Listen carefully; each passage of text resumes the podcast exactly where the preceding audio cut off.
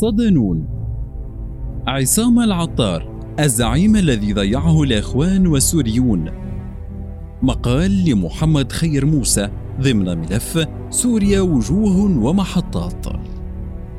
إن الزعامة والطريق مخوفة غير الزعامة والطريق أمان. فؤاد الخطيب. فرق بين الزعامة والقيادة فليس كل قائد زعيم بالضرورة. والزعامة في الشعوب نادرة ندرة الكبريت الأحمر وحيثما وجدت الشعوب زعيما عظت عليه بالنواجذ وتشبثت به تشبث الطفل بأمه في العتمة المخيفة. فإن رأيت قوما يفرطون بزعاماتهم فاعلم بأنهم نكبوا في أنفسهم نكبة يجدون ثمارها النكدة حين تتخطفهم الدروب الوعرة. إعلاء مصلحة المجموعة على الذات. كان السياسي السوري عصام العطار 93 عاما ذا نظرة سياسية ثاقبة يدرك ما يدور حوله بعين سياسي وفراسة المفكر وعمق المحلل.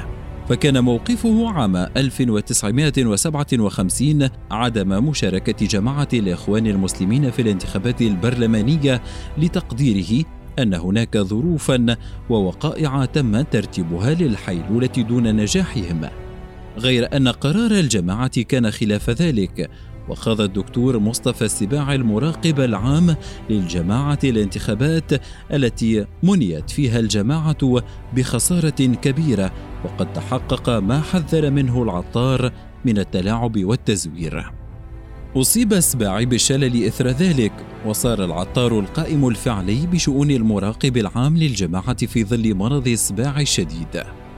قامت الوحدة بين مصر وسوريا على يد عبد الناصر الذي اشترط حل الأحزاب والتنظيمات ولم يكن هناك أي خلاف داخل الجماعة التي تتوق إلى الوحدة وتنادي بها وتؤصل لها فأعلن السباعي حل الجماعة وفي مسجد جامعة دمشق حيث يولي آلاف الشباب وجوههم يوم الجمعة كان عصام العطار المتمسك بالوحدة والمنظر لها الصوت الأبرز في مواجهة طغيان عبد الناصر الذي زاد عن حد الاحتمال.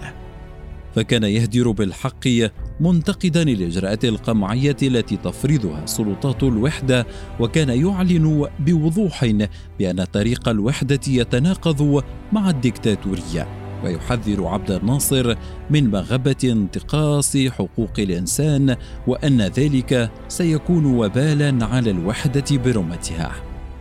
أعلن عصام العطار من على المنبر رفضه لاستلام العظمة رئاسة الوزراء كونه شيوعيا سيحرف سوريا عن توجهها العربي والإسلامي.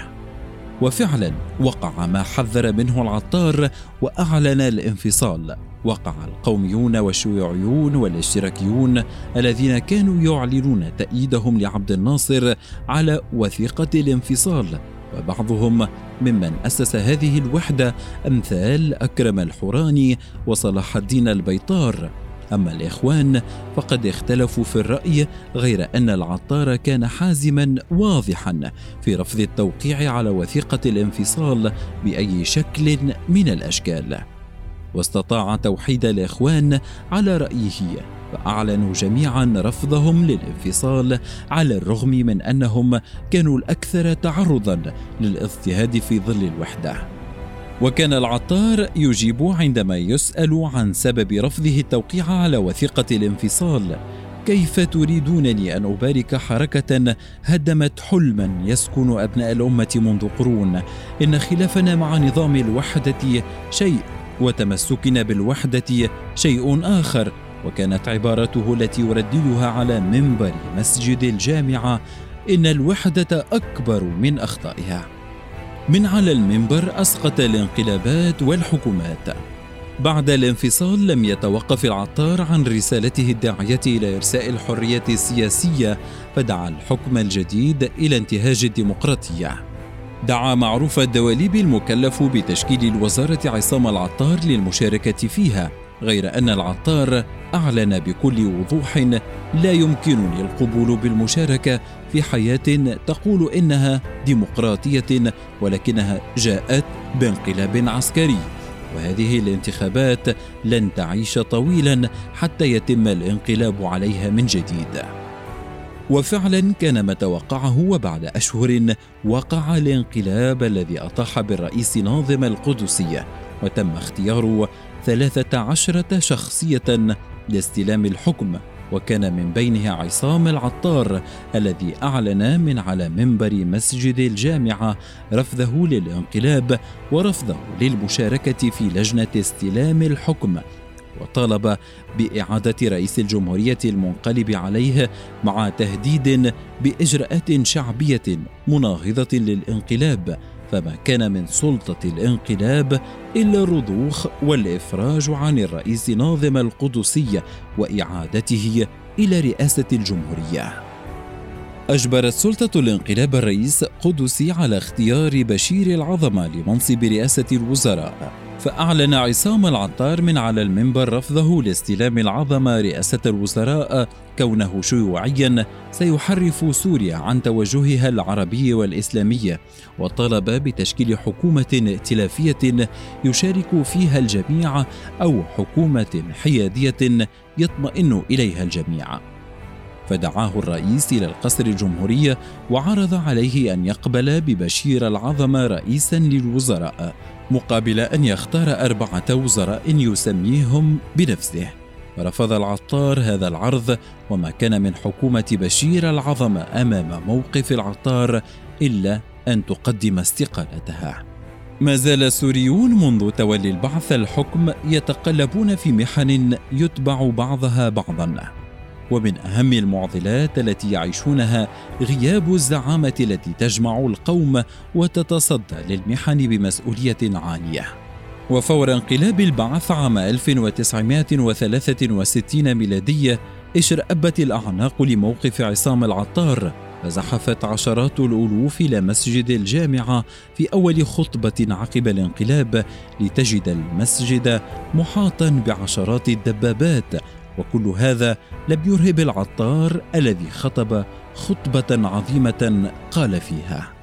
صفحتنا أنصع من أي صفحة وجبهتنا أرفع من أي جبهة وطريقنا أقوى من أي طريق وأنا أتحدى كل إنسان كائنا من كان أن يضع ذرة من الغبار. لا أقول على جباهنا المرتفعة ولكن على أحذيتنا وأقدامنا وأعلن أنني أرفض أي ضرب من ضروب الحكم الدكتاتوري الاستبدادي والطغاة الماضون سقطوا طاغية بعد طاغية تحت أقدامنا. ونحن على هذا المنبر وسيذهب الطغاة الجدد كما ذهب الطغاة القدماء. وبعدها مباشرة فرضت قوى الانقلاب عليها الإقامة الجبرية إلى أن خرج إلى الحج عام 1964 ومنع من العودة إلى سوريا بعد ذلك لينتقل في منافي الأرض وليحط رحاله في منفاه الأخير في مدينة أخينا الألمانية. ضيعه الإخوان. عقب وفاة الدكتور مصطفى السباعي عام 1964 اختير العطار مراقبا عاما لجماعة الإخوان المسلمين في سوريا. وبعد استلامه بدأت رحلة تشكيك في أهليته للقيادة من أجنحة الإخوان المختلفة. تمزق الإخوان السوريون مناطقيا بين دمشق وحلب وحما وكان لهذا التمزق اثرا في إضعاف تأثير العطار داخل التنظيم الذي كان يتهم من الإخوان بالاستبداد حينا والتفرد بالقرار أحيانا وغموض الاتباع حينا آخر. وفي الحقيقة أن الخلافات تحمل طابعين اثنين رئيسيين هما التعصب المناطقي والانتصار للذات فهي خلافات شخصية لا تكاد تجد فيها شيئا يخضع للمنطقيه بلغت الخلافات ذروتها عام 1972 لتتخذ الجماعة قرارا بعزل الأستاذ عصام العطار وتعيين الشيخ عبد الفتاح أبو غدة مراقبا عاما للإخوان. وبقي العطار يحمل في قلبه غصة وحرقة من هذا القرار الذي كان يتحدث عنه بألم ويلمح إلى أنه كان استجابة لرغبات وطلبات بعض الدول التي لم يكن يروقها وجود العطار على رأس قيادة الإخوان. ليغدو العطار من حينها خارج صفوف الجماعة.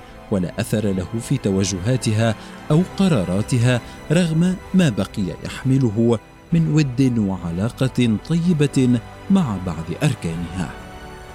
ضيعه السوريون.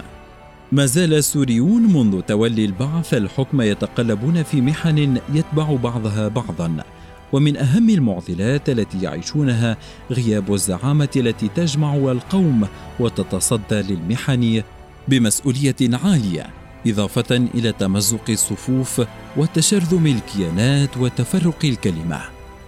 وتحت وطأة التصنيف المهيمنة تعامل المجموع مع العطار على أنه شخصية إخوانية لا على أنه شخصية سورية جامعة تحمل مواصفات زعامة فذة فلم يفيد منه وتم إقصاؤه واستبعاده تحت عناوين عدة تصب كلها في خانة تصنيفه الإخوانية.